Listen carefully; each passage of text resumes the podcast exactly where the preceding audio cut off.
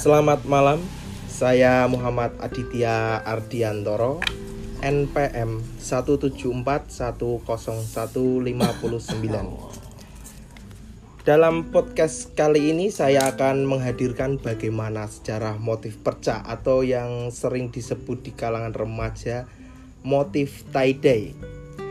Banyaknya peminat motif tie-dye atau perca sendiri ini di kalangan remaja saat ini menarik jika kita bahas secara detail dari segi sejarahnya maupun tantangan dari produk tie-dye atau perca itu sendiri. Dikutip dari pembicaraan Himawan, salah satu perancang motif tidai atau perca yang tidak asing lagi di telinga kita, yaitu Wahid Fashion. Menurut Mas Himawan, seni pada hakikatnya adalah rangsangan pemikiran dan kreasi tangan sebuah humanisme. Seni tidi itu sendiri berasal dari ledakan obat pewarna yang jatuh ke kain yang sudah rusak. Dari argumen itu, saya akan menghadirkan narasumber yang tidak kalah kondangnya, yaitu Bang Makmur. Usia 51 tahun, pekerjaan produk seni batik jumputan, salah satu perancang motif dari Wahid Fashion. Nah, selamat malam Bang Makmur. Selamat malam. Nah, kali ini ada huru hara yang sering terdengar di telinga kita bahwa seni tie-dye itu sendiri adalah ledakan atau bahan yang BS kemudian diperbaiki menjadi motif perca itu sendiri. Nah, dari sudut pandang Pak Mampur sendiri, bagaimana sejarah dari motif perca atau TD itu? Aduh, kita jawab sebenarnya yang namanya perca itu kan termasuk eh, apa ya dikatakan obat itu tumpah lah istilahnya Hmm, tumpah. Nah, jadi barang-barang yang BS warna atau coklat terus diwarna itu pada melentong tidak rata terus ditutup dengan pecakan-pecakan itu akhirnya akan menjadikan pandangannya itu beda Hmm, berbeda. dan juga hilang itunya apa namanya eh, melentong-melentong Bentong itu kan BS hilang. dari bahan itu sendiri Dari ya. bahan itu kan sendiri akhirnya jadi sekarang kan meledak itu loh karena Oh, masalah tumpahan eh, obat itu obat itu. eh. Nah, kalau dari sudut pandang pabrik printing yang juga bersaing di industri batik TD ini sendiri, dalam hal ini jelas produk hand- handmade kalah bersaing harga.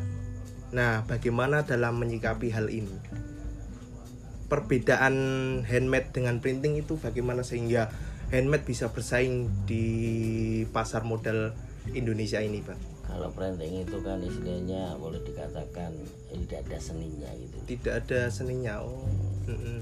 monoton lah tapi kalau percaya eh, untuk manualan kan banyak seninya Mm-mm. warna itu begitu banyak lah umpamanya warna dasar biru kasih abu-abu juga bisa masuk kan agak terarah itu loh Oh, agak terarah ya. kalau kuning itu dikasih pakai obat coklat kan juga. Ya tambah seni lah gitu loh pandangannya tergantung ya itu permainannya obat. Permainan obat itu sendiri. Oh, ya berarti dari handmade sendiri ini memunculkan efek obat berarti. Nah, itu jelas sekali. Makanya printing itu eh, tidak bisa menyesuaikan eh, ya, manual itulah. Oh, manual itu. jelas itu dia nggak nggak nggak nggak begitu. Opo. Ya pokoknya itu kan kalau printing itu kan omset gede lah Omset gede, ya, pabrik ya. nah kalau manual kan kecil-kecilan tapi kan banyak jadi Hmm. kita kan berani bersaing mesti kekuatan nang manual Oh ya.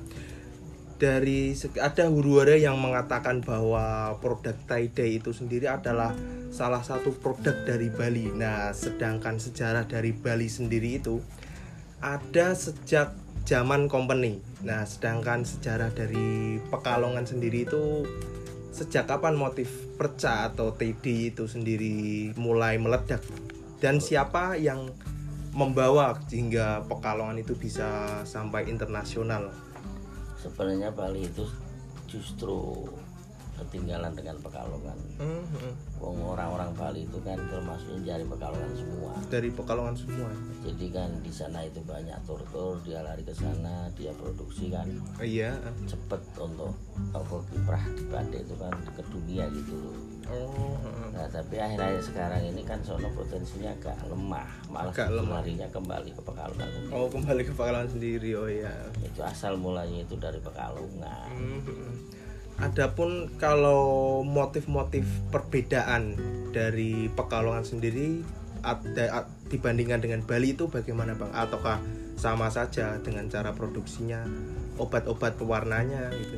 Ya sebenarnya sama yang produknya di Bali itu orang Pekalongan sendiri. Oh, orang Pekalongan sendiri yang di Bali. Oh iya. Bukan asli domisili.